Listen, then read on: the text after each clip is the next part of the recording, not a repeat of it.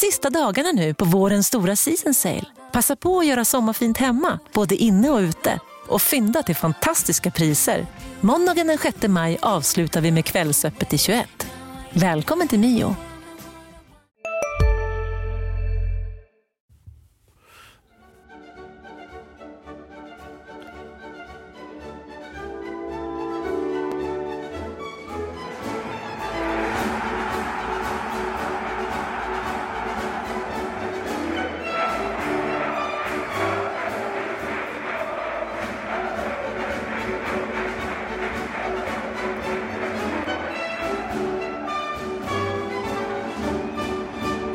Det är en underbar sensommardag i det soliga Helsingborg och för HIFs vidkommande så var det en fantastisk kväll i Göteborg när eh, Örgryte eh, fick Hamrén-effekten.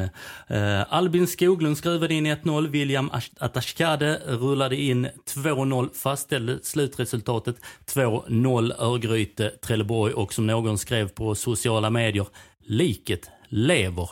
Thomas Nilsson heter jag, Marian Svab i studion som vanligt tillsammans med likaledes vanligt eh, Mattias Hjelm. Välkomna. Tack så mycket för det. Tack, tack. Och eh, vi flyttar väl oss eh, längs E6 norrut till det som hände på Gamla Ullevi igår.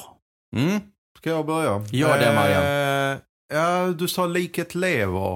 Eh, det beror på vilka, det kanske är liken som lever. Precis. Eh, för att jag, eh, det, alla snackar ju nu om Trelleborg och HIF och att HIF ska... Ja, så tittar man då lite bakom där. Eh, Öster och Falkenberg spelar före HIF nu som har Gävle på måndag. Och eh, Falkenberg har Norrby och sen har jag inte riktigt koll på faktiskt vad Öster har. Jag skulle vilja skicka detta vidare till eh, Mr of the Lister, Mattias Hjelm. Ja, och så avslutar jag här under tiden. Vilka har Öster? Örgryte. Örgryte, titta, hemma. Hemma ja, precis. Ja, precis. Och Öster är ju med, precis som du säger. De är ju bara en poäng bakom Falkenberg. Ta oss Precis. igenom listan, de- Hjelm. Ja, ta den. Ska vi ta listan, du menar tabellen? Tabellen. Ja. Men alltså, jag kunde Det inte kan vara tabellen för det, det rimmar. Det är, mister med listor satt så fint. Så Ja, snyggt, det, snyggt. tack. Och det är bara jag som är trög och inte hänger med i dina tankegångar. Trelleborg är alltså trea, det vet vi sedan länge, på 45 poäng numera då. Och Helsingborg har då 41, fyra efter. Falkenberg 45 efter Trelleborg alltså, och Öster 39. 6 poäng efter, fem matcher kvar att spela, 15 poäng kvar att spela om. Ja, men HF har ju en poäng efter, ligger efter med sin Stämmer. målskillnad också. Stämmer. Den är inte speciellt bra i, i konkurrensen. ska jag ta den listan den är, också? Den är Jag inte konkurrenskraftig, nej. Nej, därför att Trelleborg har plus 18. HIF, vet ni vad de har? Ja, minus. Noll ja. Ja, jag är minus ett eller två. Ja, Okej, Ja, noll. ja, det är rätt. Falkenberg 11, Öster 8. Så det är ju helt sant Marian. Det är ju som att räkna som en poäng. HIF har ju utvecklingspotential gällande positiv målskillnad. Ja. Så kan man säga. Och det har ju varit HIFs problem under hela säsongen. Just att göra mål.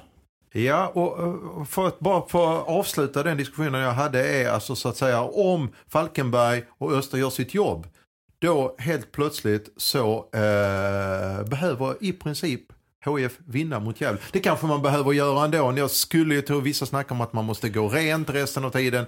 Jag skulle tro att det ligger rätt mycket i det. Spelarna pratar om det själva. Så att, men eh, Man måste ju tänka minst så. fyra, man, måste ta och gå rent tror Man jag. måste tänka så, men frågan är om det är så i det är- verkligheten med tanke på att lag går på plumpar lite här och där och överallt. Superettans vägar är ju outgrundliga. Marian, du gjorde en eh, presentation här för några poddar sedan. eh, hur många poäng man måste ta för att eh, eh, vara på säker mark och ta sig uppåt och hela den biten. Men i den här ligan, det vet i tusan fall inte alla de här eh, statistiska teorierna är ut genom fönstret. För Känns att, så, känns för så. att här, eh, vår, vårmötet, eh, till exempel Trelleborg-Örgryte, kommer ni ihåg hur det gick?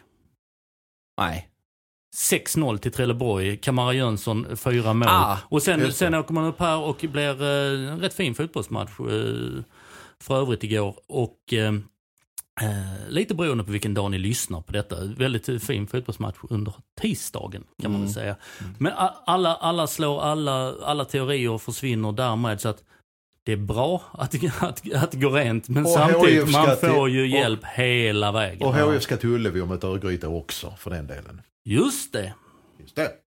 Så att det, nej, jag tror fortfarande Halmstad har det, jag tror jag varit inne på det innan, hade en av de absolut lägsta poängantalet i fjol när man gick till kval. Och det var 54 poäng. Och det, det, det, det är ovanligt. Men det kanske, ja, jag vet inte, det kanske räcker med 51 poäng i år.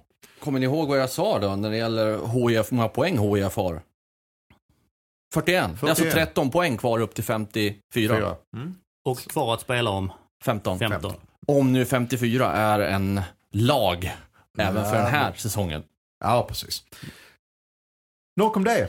Nog om det. För att, eh, ja, du nämnde Gävle, det kanske vi tar lite senare i det här avsnittet. Eller varför, Nej, varför varför, inte nu? varför inte nu? Varför, varför vänta på denna goding? Det är ju Gavlevallen som, eh, som väntar Mattias Hjelm. Eh, Du, ska dit eller? Är du Det inte är under diskussion, det kan bli så. Hjelm, är du inte därifrån någonstans? Jo, det är inte långt upp till Gävle. Från Fagersta, hur långt är det? 13 mil. 13 mil. 13 det är ju mil. Det är ju cykeln Men det är inte så att man har eh, åkt eh, vallfärdat till Gävle varje vecka under min uppväxt för att kolla på fotboll. Men Brynäs? Brynäs var ju några gånger, men fotboll ingen gång. Noll gånger. Har du rullskidor förresten? Nej, det har jag inte, men inlines. Ja, du Ja men, rullskit. ja, men rull, ja, men 13, 13 mil i sensommar Ja, men jag försökte det, på inlines till stugan. Det blev sex mil innan jag blev upphämtad av morsan och farsan på vägen upp. Hjälp. Jag var lite för dålig asfalt sista fyra. Nåväl. Så, Gävle, ta oss dit. Ja, ska vi ta Var lite... ligger Gävle? Kan du ta fram din lista? Gästrikland. Eller tabell? Det tabell. jag, kan, det jag kan säga om Gävle är att det är oerhört mycket snö på vintern. Men det var inte det jag frågade. Jag frågade- Jag skiter i det geografiska. Nu fick jag svära också på den. Gud vad bra. Ehm, eh, vad härligt. Eh, Lite statistik, lite siffror, lite var tabell. ligger Gävle? Precis. Ja, nu ska jag ge er lite smått och gott här. Så här va, eh, under 2000-talet, 2010-talet, alltså den här sidan sekelskiftet, så har HIF varit uppe i Gävle och stött på dem ett antal gånger. Det har blivit sex förluster där uppe, fyra segrar och två oavgjorda. Och de allra flesta matcherna har ju spelats på Strömvallen och inte Gavlevallen som de spelar nu då. Men ändå, Gävle är inte det mest glamorösa stället att åka till för många lag och i synnerhet inte Skånelag, tror jag. Det har ju ni också bra koll på. och i jättes- tabellen har Gävle någonting att spela för där? Eh, Ja, det har de. För att de ska ju undvika kval nedåt. Och Gävle går ju som en riktig maskin nu. Jag ska ge er lite siffror på det här, för att det är ganska intressant. Efter uppehållet, alltså det har spelats 11 matcher av höstsäsongen. Gävle har sex segrar, två oavgjorda och tre förluster. Då ska man komma ihåg att Fyra av de sex segrarna på de fem senaste matcherna. Det är en förlust mot Dalkurd. Det var förr, förra omgången. Och hur var det i den omgången? Jo, då var Bayram Ajeli avstängd. Och vem är det här? Jo, han kom in alltså. Det var han som gör mål. Han har gjort åtta mål på sex matcher. Åtta mål, det är lika många som Åke Akpoveta har gjort på hela säsongen. Gävle har gjort värvningar, lyckats. De har ju också Dalkurds förre tränare Poyars Bagi och han har ju lyckats få fart på dem. Så Gävle kanske är en av de bästa lagen, ett av de bästa lagen i hela serien just nu. Och de på hemmaplan, på ett ställe där HIF normalt sett inte älskar att vara, det är kanske eh, den svåraste matchen kvar för Bättre. Med trycket på, kanske på axlarna och att det räcker inte med ett kryss till. Vilket det, det, Vi kan också, vi kan också konstatera att Piotr Johansson är avstängd. Jesper Björkman är ju väldigt välkänd här i regionen. Han är ju numera på bänken under den nya tränarens ledning där uppe. Så han har ju haft en tuff resa från att vara bänkad i HIF till bänkad i Gävle. Frågan är vad, hur han upplever sitt Jag tror fotbollsliv. du ska, frågan är var han kommer att vara bänkad i Nej, nej, gång, den, men- så tänkte inte, Nej. min tanke gick inte så långt, för så elak, elak är jag nej, inte. inte. jag heller. Men jag tänker, jag, ja, man, tänk, man kan ju få tänka elakt. Man behöver inte säga det i en podd som jag gjorde. Nej. Men det, vi kan väl enas om att det finns trevligare tidpunkter för Helsingborgs IF att åka till Gävle om det nu finns någon sådan. Ja, det finns att- ju ingen trevlig tidpunkt för HIF att åka till Gävle och eh, det, det är bara fråga om grader i helvete tror jag. Det är så pass ja. Jag tror Ja, jag. ja, du, men ni som kan HIF och det här mycket bättre än jag kan ju bekräfta eller uh, dementera. Jag har varit på Strömvallen eh, en hel del gånger men kan faktiskt inte minnas att jag upplevt en HIF-seger. Jag har. Har du det? Du var ju på, strö, du var ju på Strömlösa Strömvallen, rubrikmatchen nummer ett när Strömmen gick i premiären 2005. Kan det ha varit det? Ja, kan det nog ha varit. Men jag var där också, eh, tror det var väl 11 när de vann med Nej. 3-10 då. Nej, för 2011 var de eh, matchen efter gais matchen vill jag minnas, när de hade bärgat guldet så åkte de upp och de var tvungna att spela färdigt serien ju. Ja. Och eh, möter då De förlorade mot Ja, men Gävle, då var, tror jag har jag. Ja. sett någon gång när de har spelat nästan med en man kort också och vänt till 3-1 och vunnit. Det, där, Det var eh, 2010. 10. 10, men det sa Men jag tror, Nej, ni- om jag Nej. minns, jag gick igenom det här, nu har jag inte allt i huvudet, men jag vill minnas att senast HF vann uppe i Gävle var 2013. Vi snackar i seriesammanhang här nu då. Så eh, de har väl inte vunnit på Gavlevallen? Vad jag... Seriesamma, har HF träningsspelat i Gävle? Nej, men jag funderar om det finns någon cupmatch de har spelat här. Jag kan De inte har, det där i spelat huvudet. ett, de har spelat ett kuppsammandrag på gamla Strömvallen. Bland annat mot Valsta Syrianska och förlorade inför 89 åskådare. Vår uts- utsända Jim Nej, alltså, jag, jag, jag säger mest så för att ha ryggen fri eftersom jag inte kan cupmatcher till höger och vänster. 89 sp- åskådare, kan det ha varit fler eller färre än när HF åkte till Ullevi och mötte Brann i den här eh, konstiga kuppen Eller vilka, nej, Royal League, eller? Ja, var det inte där de, mötte, de spelade på Ullevi eller vad det var? Jag vet inte. Nej, jag kommer inte ihåg, det var väldigt... rö- Bra. Ja. Eh, 2011 Royal mötte, mötte HIF Gävle, kollar ju upp här i en eminent bok i ämnet. Gävle HIF 2-0. Josef Baffo fick rött kort och kunde därför inte spela. Det är rubriken Baffos röda kort förstörde familjefesten. Men Fram- går det bra för? Baffo går det bra nere i Eintracht Braunschweig. Men har ni sett en del av Gävle nu mot slutet och kan någonstans berätta mer om hur det har sett ut? Vi har ju siffrorna här. Vi följer ju inte Gävle mangrant så varje match Ja, de vi, kan, vi spelar. kan ju bara konstatera att Poja som fick lämna eh, Dalkurd, Mm. som har varit med under två, två eller tre säsonger där. Eh, trevlig, eh, trevlig bekantskap när man pratar med honom. Väldigt rak och tydlig exakt med vad han vill. Eh, om man får säga osvensk i sin approach att eh, prata med honom på, då som tränare i Dalkurd på, på upptaktsträffen. Och eh, han ondgjorde sig över HIF. Att HIF inte sådär, ni är Helsingborgs IF för tusan. Upp med tuppkammen, ni ska dundra igenom den här serien. Ni ska vara som vi i Dalkurd. Så. Alltså det är bara my way or the highway och full fart framåt eh, för det lag han tränar Dalkurd då och bevisligen Gävle nu. Han har fått fart under fötterna på dem och eh, HIF bör historiskt vara oroligt och även nu statistiskt. Men jag har ju sett, senast jag såg Gävle var det faktiskt när de körde över Falkenberg borta. Just det, Eh, 4-0 va? 4-0 och de ser, eh, alltså det ser ut som ett eh, Gävlelag med lite spets nu som du sa Mattias. De har fått in bra nyförvärv. Men det ser ut som att det hänger ihop, lagdelarna hänger ihop. En, det, det är en enhet mer nu i, vår, i våras. De låg väl sist ett tag på fem, Ja, sex ja, visst. pinnar eller Det något var så, ju, det De var ju kändes ju hissen rakt ner till eh, ettan. Division 1 va? Ja. Ja. Men nu ser det ut som att igen som en enhet och även de här eh, eh, äldre killarna som eh, Lant och sånt, de har höjt sig i den här miljön. Ni är alltså nått någon slags anständig nivå. Eh, så att, eh, nej de ser, de ser faktiskt bra ut jävlar. Och de har som sagt någonting att spela för i högsta grad De dessutom. ligger precis ovanför strecket Ja. på 28 poäng eh, nedanför kvalstrecket ska vi prata om då. Mm. Eh, ligger Norrby, bättre målskillnad också på eh, 28 poäng. Så, och Ja, det är- titta, alltså det är Det är sanslöst det ni säger egentligen. För att en, en, fem- en seger om man är på, på något sätt på, på säker mar- mark. Och eh, tittar vi på nedanför direktnedflyttning har vi ju Frej på 22 poäng och Åtvidaberg på 20. Så att de är ju, de kan, de kan med... Gävle har mycket att spela för. Ja, väldigt men- mycket att spela men för. samt- och det borgar ju för samtidigt att det blir en väldigt spännande match. Samtidigt eftersom- fälla ner axlarna och eh, kunna titta uppåt och lämna direktnedflyttningen eh, lite bakom Mm. sig. Vilket eh, under våren, som ni sa, var ett eh, reellt faktum. Och de här mentala spökena som ingen hävdar finns, och det gör de väl inte heller, men, men ändå att vissa platser kan vara svårare än andra utan att det egentligen kanske finns någon självklar förklaring till det. Ja, men det finns ju vissa sådana här skräckarenor som eh, min favorit är ju eh, HF Börjansvall och Halmstad på Olympia. Mellan 1959 och 2003 var det ingen I, Halmstad vann inte mellan 1959 och 2003 på Olympia och vice versa. Det var bara en gång som Halmstad vann på Olympia och eh, HIF vann på Örjansvall. Och det var för att det var kommunstrejk. Så att Så Halmstads, match. Halmstads hemmamatch var på Olympia, HIFs eh, hemmamatch var på Örjansvall. Och då vann man på sin hemmaarena.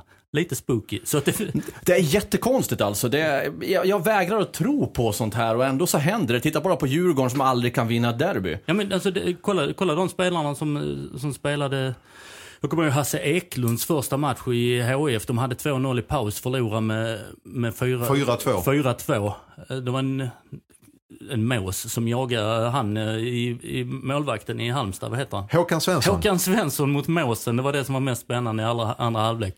Eh, Det, Då hade HIF precis eh, mosat Malmö i matchen före 4-0, ja. 4-0 där nere. Och då kunde vår kära eminente sportredigerare Claesson efter matchförlusten i Halmstad, när 4-2 matchen efter då, med den bilden med måsen, fick han sätta rubriken Hur mås det idag HIF?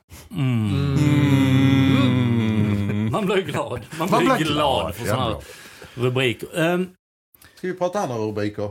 Ja, det kan vi göra. Marian. Eh, jag tyckte att eh, min kära kollega här, Thomas Nilsson i veckan gjorde en eh, uppmärksammad, vaket paket som handlade lite grann med blicken framåt. Nu snart pratar vi 2017 här och nu, det ska vi göra förstås. Men där han blickar in i framtiden, 2018 till att börja med. Jag pratar givetvis om eh, HIFs sportsliga organisation och att man saknar, eller som de själva tycker inte saknar en sportchef. Eh, jag, eh, givetvis måste man gå ut och säga att det här med sportgruppen som nu eh, innefattar P.O. Jung, Anders Sviss Svensson, Styrelsen. Os- styrelsen, Oskar Röningberg och klubbdirektören va? Och eh, ungdomsansvarig, som det står på hemsidan, sportchef det. ungdom, Så hur Jonas många, hur Olander. många ingår i den här gruppen nu då? Sex personer, om vi räknar med lite adjungerad på något sätt, Christer Azelius ordförande, för någon måste ju till syvende och sist ha, ha sista ordet. Så vi har, jag tar dem lite snabbt igen, P.O. Jung, Oskar Röningberg, Anders Wiss Svensson, Jonas Olander, eh, Mats-Ola Schultze och Christer Azelius, sex. Och där är, eh, då, eh, du Thomas skriver att eh, det, är, men det här upplägget är kanske värt det. det är inte, eller så här, man ska inte förkasta det. Det, det, kan fungera så här också. Va? Samtidigt så äh, vet jag att jag pratade med Christer Aselius tidigare och jag tror vi har till och med skrivit om det. Och där är önskvärt att det kommer in en sportchef. Men så länge så får ju den här sportgruppen så att säga ta ansvar för. Eh, och eh, jag undrar bara någonstans eh, vem som sköter en sån enkel grej som scoutar division 1 och neråt, superettan då givetvis också.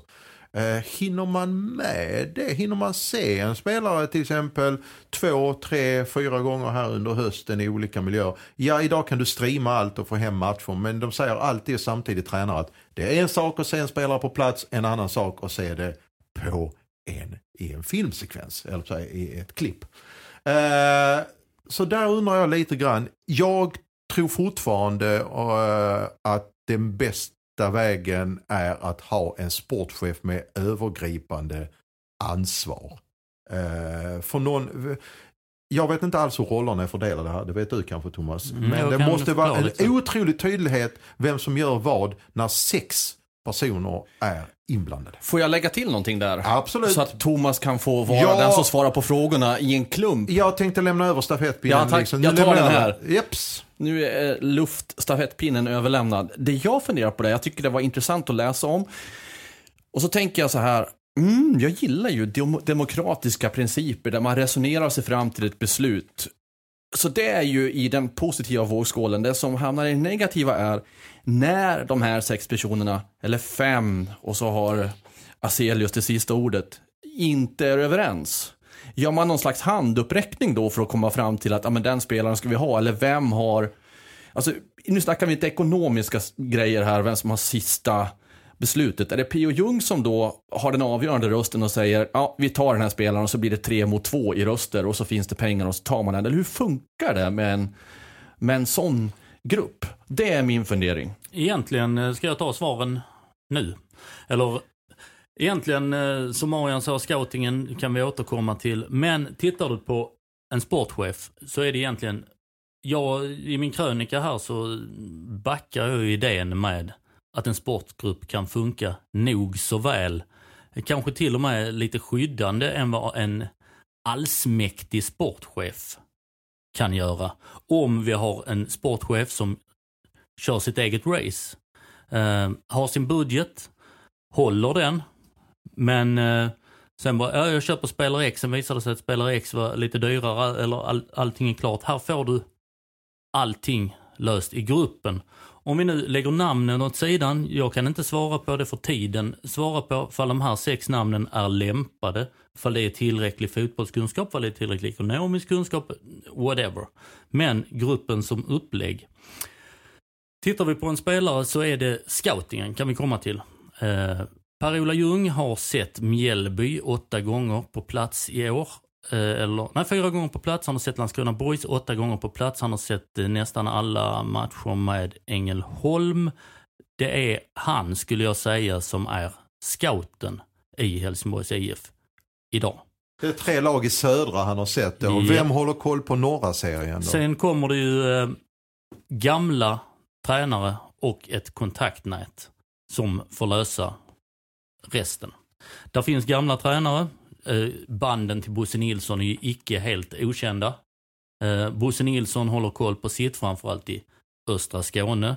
Jag tror att eh, han har nog ganska bra koll Men på vi behöver också. Utveckla nätverket och bredda det också. Ja. Än att bara förlita sig till eh, en, Absolut. pipeline. Och jag vet att HIF-vännerna körde någon typ av grej på de körde det dessvärre under the glory days, eller på vägen dit, med att de ville ju ha ett eh, nätverk med gamla HIF-spelare och folk runt i hela, det, det fanns och sjösattes på pappret, men aldrig i verkligen. Att det fanns liksom eh, gamla HIF... Det låter ju spännande faktiskt. Gamla HF, jag ska leta upp den artikeln för jag skrev om detta 2009, tror jag, 2010.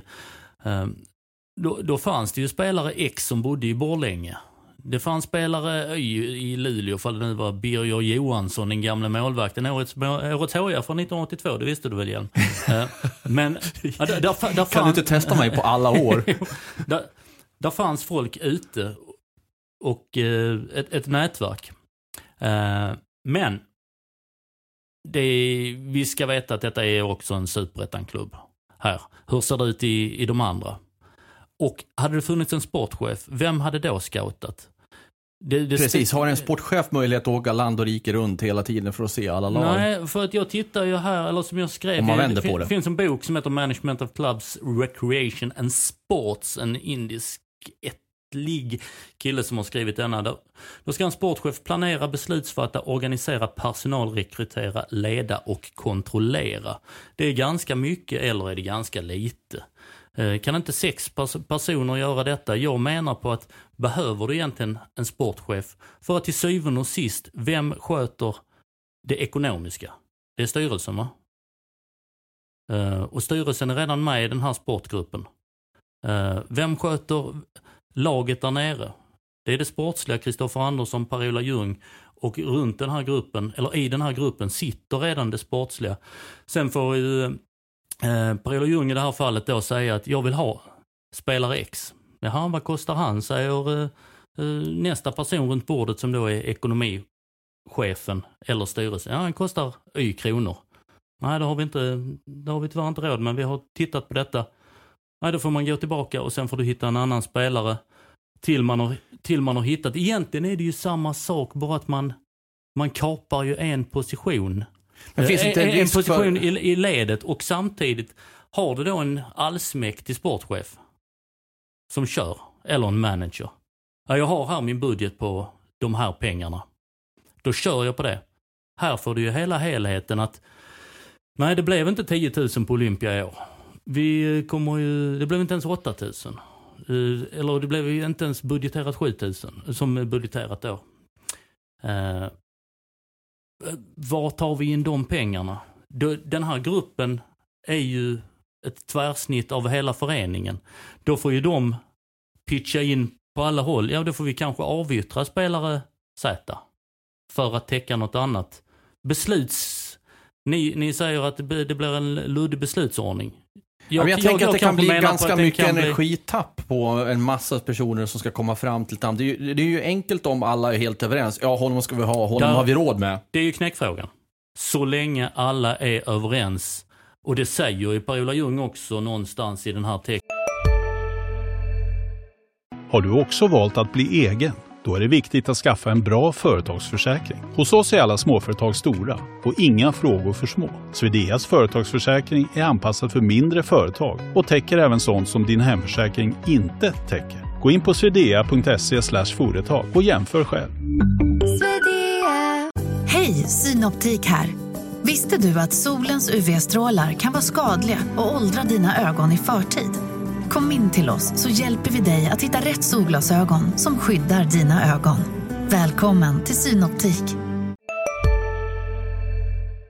att så länge alla är överens och sitter ner runt bordet eh, så eh, jag försöker hitta.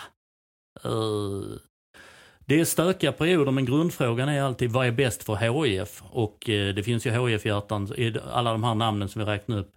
Får jag nej av ekonomiska skäl gäller, ehm, gällande en spelare så får jag leta efter en annan så det är inget konstigt. Eh, till syvende och sist är det Christer Hazelius, alltså ordförande, som är chef. Men sen så tänker jag på en sån sak. Vem är det som drar upp riktlinjerna? Jag förstår att man har det som man har det nu för tillfället. Och det är möjligt att man fortsätter så här 2018 också. Men den, den här långsiktiga strategin, vem, har, vem ska man fråga? Om jag går upp på HIF idag, kan någon förklara mig hur den långsiktiga strategin med scouting är? För att ta in under ett sommarfönster Per Hansson som vill hem, Darjan Bojanic som är utlånad och Johan Persson som också ville hem. Och var, för mig är det en no-brainer. Eh, det, det, det hade jag också sett de namnen. Men det är ju inte de namnen som är intressanta. Det är ju att hitta de här fynden.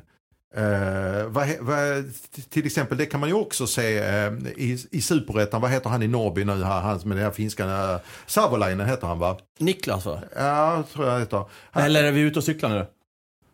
Ja, jag vet inte. Det, han, är, han, han har gjort 11 mål tror jag för Norrby i ett eh, ganska risigt gäng. Ehm, eh, vem, vem går upp till Borås och går runt och tittar på honom och så vidare. Så vidare. Ja, det kanske man har koll Det har man ju koll på såklart i HIF. Men, och sen så har du hela den här ungdom, alltså det här med att vi ska bli självförsörjare. Ja, där har du ju en sportchef. På ungdomssidan har du alltså en sportchef idag i ju men nå- inte på seniorsidan. Det skriver jag också, Ja. det är någonting som haltar att... eh, och vi, Absolut. vi ska veta att det är ju, det är ju mitt...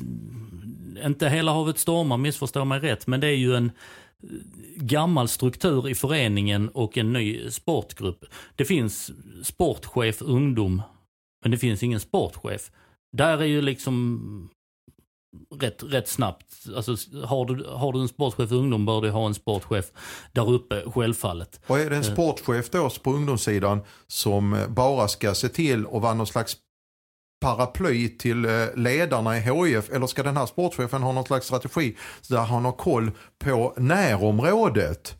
På småklubbarna, vad de producerar för talang och ungdom på ungdomssidan och så vidare. Eller vad, vad, vad är Jonas Solanders arbetsbeskrivning? Ja, precis. Men det är ju en annan, annan fråga. Ja. För, för att den, eh, det måste ju byggas... Men by- det påverkar Ja, dessutom absolut. seniorfotbollen det han kan få fram. Definitivt, visst, visst gör det så. Men eh, vem, vem ska peka ut den, den, eh, den röda tråden? Du har fullständigt rätt i det. Men om du har en sportchef som tidigare, Jesper Jansson, som eh, la upp den, den röda tråden. Eh, så här ska HIF jobba. Sen hade han en annan vision hur HIF skulle jobba. Han som egen sportchef, där har du någonstans mitt, mitt emellan, eller över fotboll, under styrelse. Där. Sen var de inte överens, han säger upp sig. Vad hände med den röda tråden? Att där, där är lite min alla ägg i en korg. Förstår ni mig? Sen kan du ta Stefan Andreasson som har, eh, gjorde 1100 år i Elfsborg. Väldigt, väldigt tydlig gulsvart tråd där. Jag tror Daniel Andersson i sin, men det går inte att jämföra med, med, de, Nej, det pengarna, gör det ju inte, med ja. de pengarna du har på banken där. Sen är det lite där, alla ska ju ha en sportchef och manager. Alltså du kan hitta uttalande från typ Rösjöholms sportchef. Men, men du är ju inne på en annan sak också. Detta, vem är det som för kommunikationen utåt mot oss journalister? Kommunikativt är det svårt och det är det första Alltså, som betyder, det här säger. att, ja, betyder det här att eh, vi egentligen kan ringa vem som helst i den här gruppen och fråga om saker och ting? Eller har de bestämt sig vem som ska tala utåt? En sån grej behöver ju HIF reda ut så vi vet vem vi ska prata med i alla sammanhang. Och vem som är deras reserv om den personen inte är hemma eller inte kan svara eller vad det, vad det nu kan vara för någonting. Det finns ju, det är ju, finns ju en Nej, vikt tycker- av att vara kommunikativ ut mot medier också. Som sagt, jag tycker det är ett spännande experiment. Eh, går det hem så sätter HF någon slags... Fast å andra sidan, jag kom på det, eh, grannarna nere här i söder, Boys, har de en sportchef? Kommer jag på nu. De hade ju en sportgrupp som eh, i och för sig inte drog jämnt och folk hoppade hit och dit och Just det. plockades in folk. Men det handlar ju om att alla runt bordet, i det här fallet var det bäst för, för HIF. Sen säger Per-Ola Ljung det i den här texten också att sportchefsrollen, det är precis så som vi tänker också. Den är väldigt, väldigt lätt att kommunicera. Det är han. Det är alltid en han. Eh, I fotbollsallsvenskan i varje fall. Undrar när vi får se en kvinnlig. Det hade varit intressant. Det finns ju en kvinnlig representant, motsvarighet ungefär, i Karlskrona i hockeyn. Just det. Eh, Men klubbdirektör va? Mm. För att sportchefen eh, gjorde sig rubriker på Eh, en sant. kryssning Sant. till Polen här förleden. Klubbdirektör, inte sportchef. Alltid en man i det fallet också. Men en kvinna Ja. i hög position i ett elitlag. Ja, Björklöven har haft samma. Eh, Men, ja, det kommunikativa. Sportchef, det är lätt att förhålla sig till. Men arbetsmässigt inåt tror jag att eh, det här kan vara nog så bra och framförallt, in, jag återvänder till det, alla ägg landar inte i, i samma korg. Så länge alla kan dra jämnt och tänka vad är bäst för klubben. Och det är svårt. Ju fler man är, desto svårare är det. Du var ju för demokrati, sa du innan. Ja. Men precis. Demokra- Funkar demokrati i fotboll där man har Alla har sin handuppräckning? egen tanke om hur demokrati ska funka. Ja. Sen är det ju... så, så, så är det. Ehm, ja, hur, hur toppar man det? Jag, jag går bara vidare på att har Anders W Svensson eh, som spelade fotboll på tidigt 90-tal, Oskar Rönningberg som dessvärre fick lägga skorna på hyllan 2005, tror jag det var. Mats-Ola Schultze, eh, Jonas Olander, eh, Christer Aselius. Har de ett fotbollskontaktnät? Jag utelämnar Per-Ola Ljung för jag vet att han har ett fotbollskontaktnät. Är det, är det tillräckligt starka gubbar där inne? Det får ju transferfönster 3 utvisa om inte annat. Ja, det ska bli spännande. Och för övrigt så har Niklas Savolainen gjort tio mål. Tio, jag säger. Namnet var rätt, målskörden Mål- fel. fel. Så, intressant ämne. Mycket. Ska vi eh, gå vidare? Vad har vi mer på listan?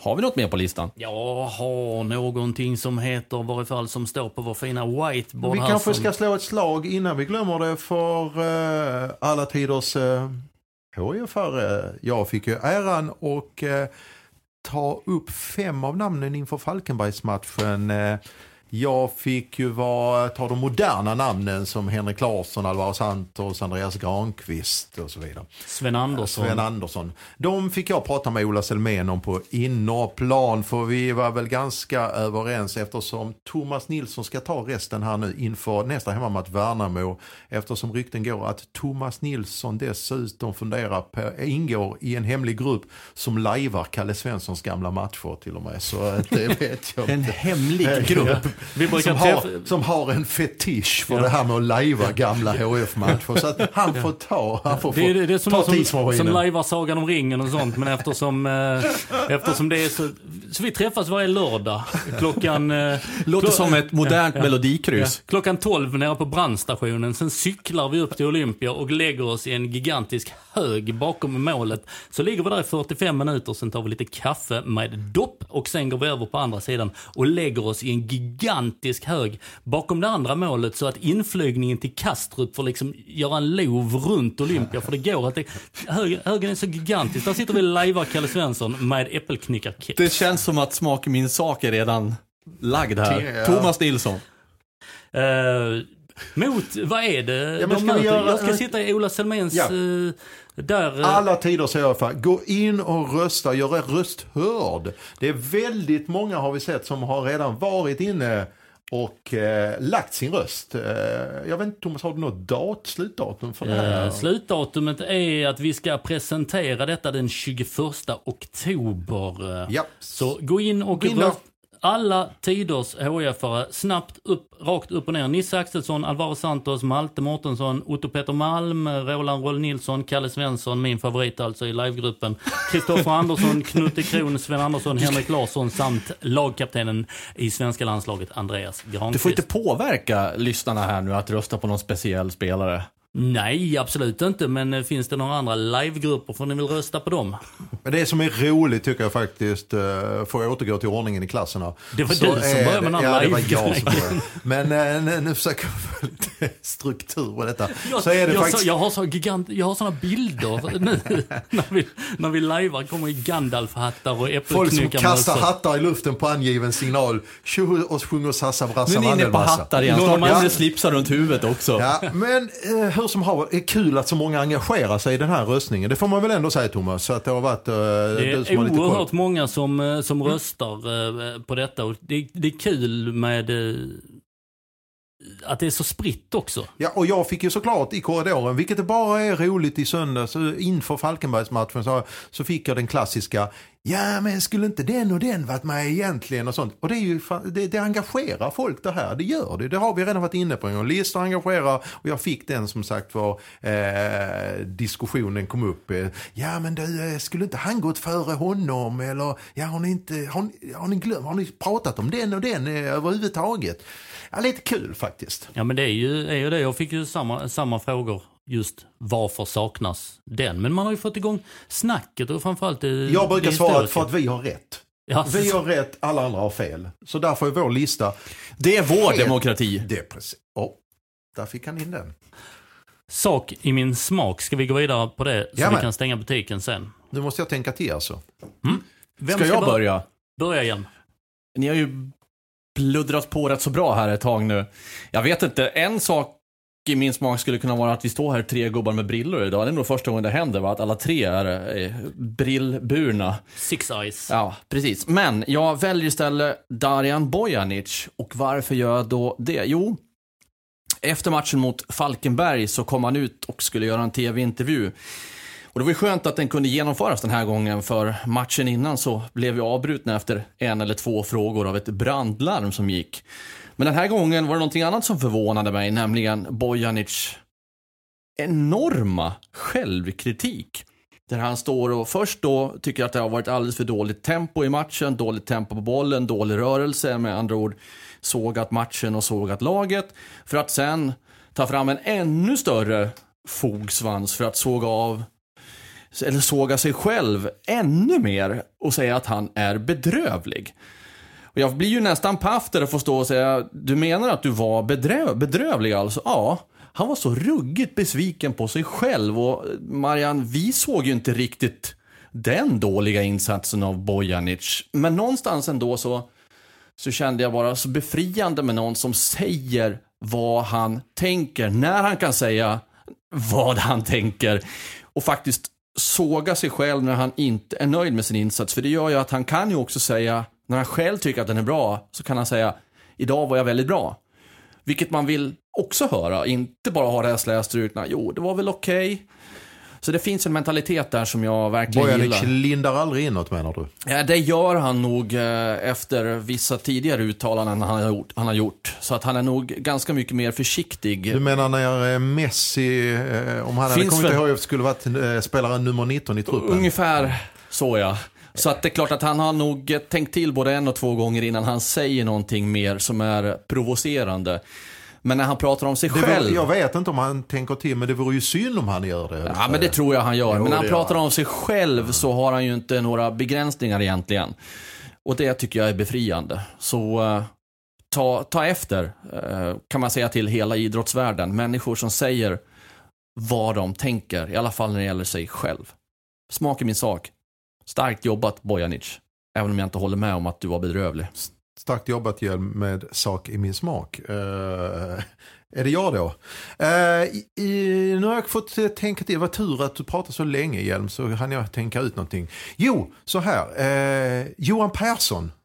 Uh, mm, Sheriffen? Sheriff? Nej, det, jag vägrar använda det Du älskar ju smeknamn. Ja, Nej, du älskar alltså, smeknamn. Vi pratar, vi pratar bara sheriffen här nu Thomas, från och med nu. Vad vill du säga om sheriffen? Ja, vad vill du säga om sheriffen? Sheriffen, sheriffen Persson. Jag tappar bort mig nu här om ni, kan ni sluta? Så, jo, eh, han kom upp med, uh, apropå det här med att återkoppla lite grann till det vi pratar om nu här med Eh, 2018, hur en eventuell trupp kan se ut, scouting, sportchefer och allt möjligt. Så la Johan Persson fram en rätt så intressant, eh, ett intressant förslag som de körde under hans tid i Hammarby. Eh, då när de låg i, eh, i superettan. Då eh, valde de under eh, eh, en period att gå ner på en väldigt smal trupp med en spetsad trupp. Vad innebär då det? Jo, 12 13 spelare, habila. Om, nu, nu utgår vi från att HIF, eftersom eh, jag utgår från tabellsituationen nu och att HIF ligger kvar i superettan, är att man är kvar i superettan nästa år. Då skulle en väg framåt, eh, ett alternativ till årets säsong vara att man strippar ner truppen till 12-13 spelare som man har idag och sen tar in den nödvändiga spetsen. I det här fallet, som eh, vad jag tycker är då, om jag får leka lite sportchef, är en anfallare. Där kan man lägga krutet. Där kan man lägga äggen, kanske en del av äggen. Resten av äggen i korgen lägger man på en, faktiskt en, ett komplement till Johan Persson tycker jag. För Johan Persson och Edvin Gima är väldigt lika idag. Eh, och jag tycker att Johan Persson kan sköta det här med att städa framför en backlinje helt på egen hand. Därför kanske en liten mer eh, eh, tydlig spelare som kan hitta med bollen, fötterna lite längre upp i planen. Där har du två spetsar som jag ska... Då är vi uppe kanske på en trupp på 13, 14, 15. Resten får du lyfta upp från de egna leden. För att ha bra kvalitativa För- träningar. För då får du dels in 5-6 hungriga. Men sen, ja, vad är nackdelen? Såklart att truppen är tunn och sånt. Men vilka superettanlag har två spelare på varje position idag? Uh, visst, det är lite gambling. Men jag, jag, jag tyckte det var en intressant, eh, ett intressant förslag. eh, eh, som jag tycker det finns en hel del poäng med. Hur många är det i truppen idag? 24. Då skulle det strippas rätt så rejält, en tredjedel alltså. Ja, men en hel del spelare har vi ju eh, vars kontrakt går ut också. Då är det frågan, är det att man ska ta in en ny spelare? Eh, Det är ungefär som om företag, eh, i en företagsorganisation, när, man, när folk får sluta. Det är inte säkert att man eh, eller så, besätter den tjänsten med en ny person, fysisk person. Det kanske är så liksom att man inte ska besätta liksom eh, om eh, då, eh, vilka är det som lämnar Thomas? Bland annat Ska jag köra, köra listan rakt fram? Ja, också? gör det. Rakt upp och ner. Kontrakten som går ut 2017 får ni säga ifall de stannar eller inte. Ja men vad bra. Åh, tjena! Kalle- Ja, sportchef Svab kommer ju kunna säga det, men Yes. Kalle Joelsson, Eh, kvar, kvar, kvar. Matt Pistrovski. lämnar. lämnar. Eh, Peter Larsson. Vill ju vara kvar. Tveksam. Tveksamt. Jag tror inte han är kvar. Han, jag, fast, och för, jo, jag skulle vara sportchef. Jag kan tänka mig ha Peter Larsson kvar om han kan tänka sig gå ner i lön. Men kan inte Halmstad vara ett alternativ för honom? Jo, det kan det vara, men jag tror att Peter Larsson, man ser till exempel hur vad Peter Larsson betydde ni som var nere på derbyt i Trelleborg.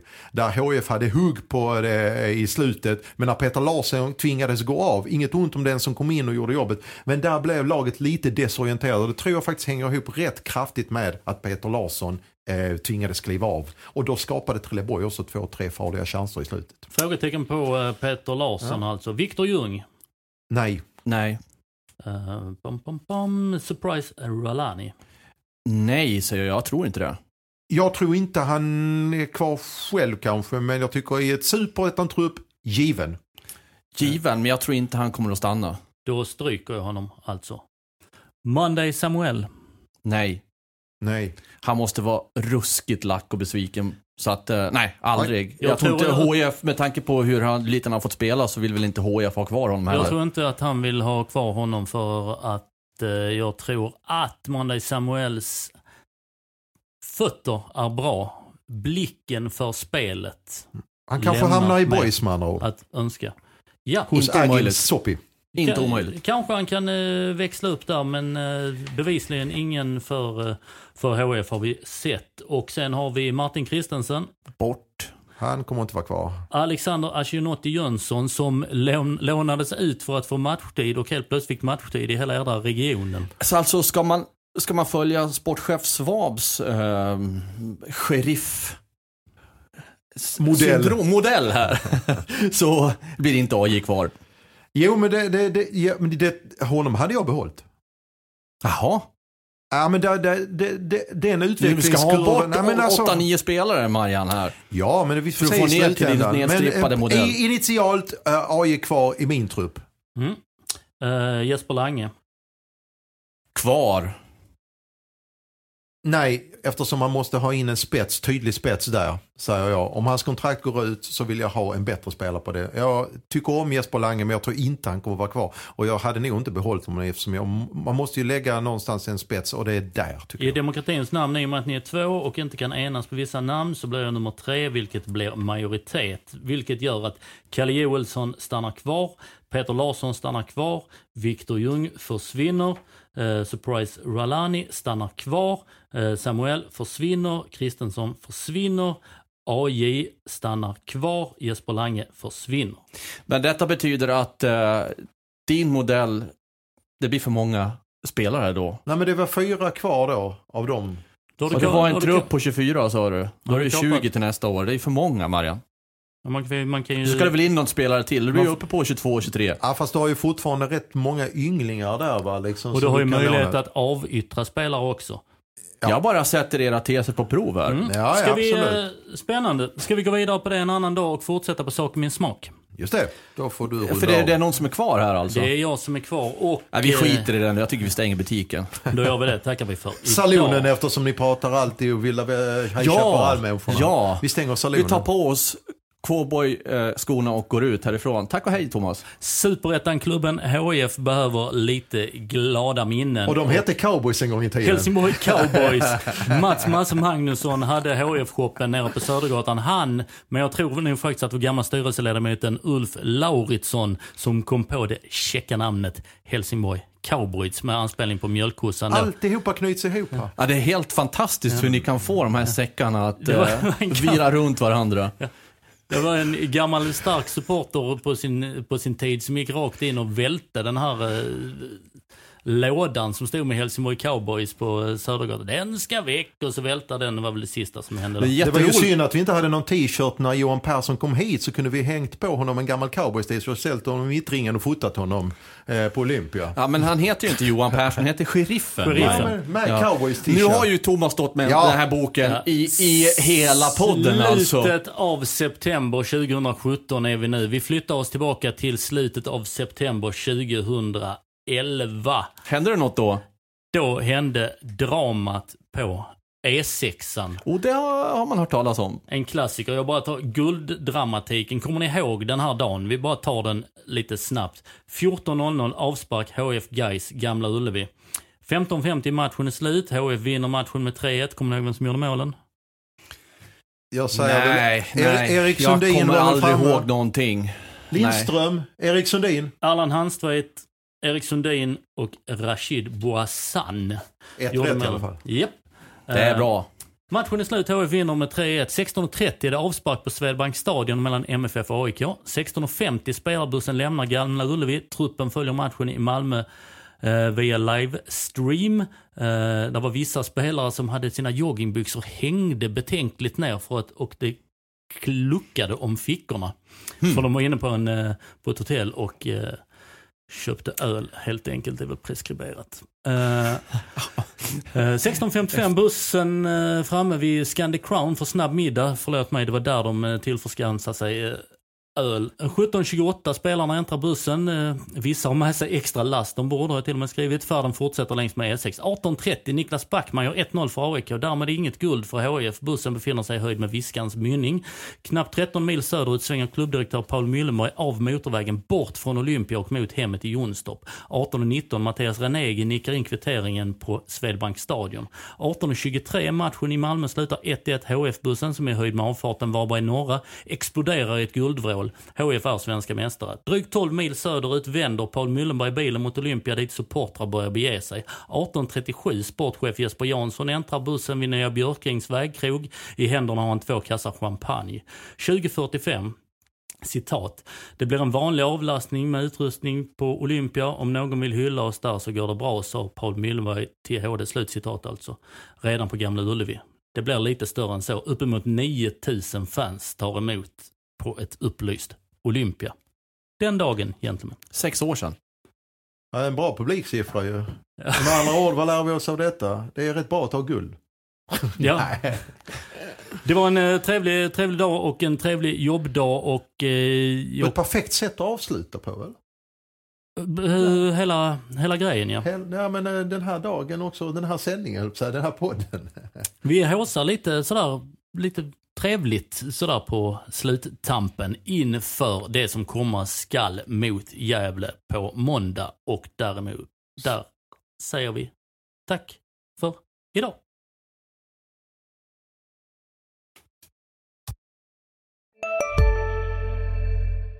Dagens vinnarprognos från Postkodlotteriet. Postnummer 65209, klart till halvklart och chans till vinst. 41101, avtagande dimma med vinstmöjlighet i sikte. Övriga 10 500 postnummer, soligt och möjlighet att vinna. Oavsett när sommaren kommer till dig så kan du och dina grannar få dela på 48 miljoner i sommaryran. Ta chansen nu i maj på Postkodlotteriet.se. Åldersgräns 18 år. Kontakta stödlinjen om du eller någon anhörig spelar för mycket.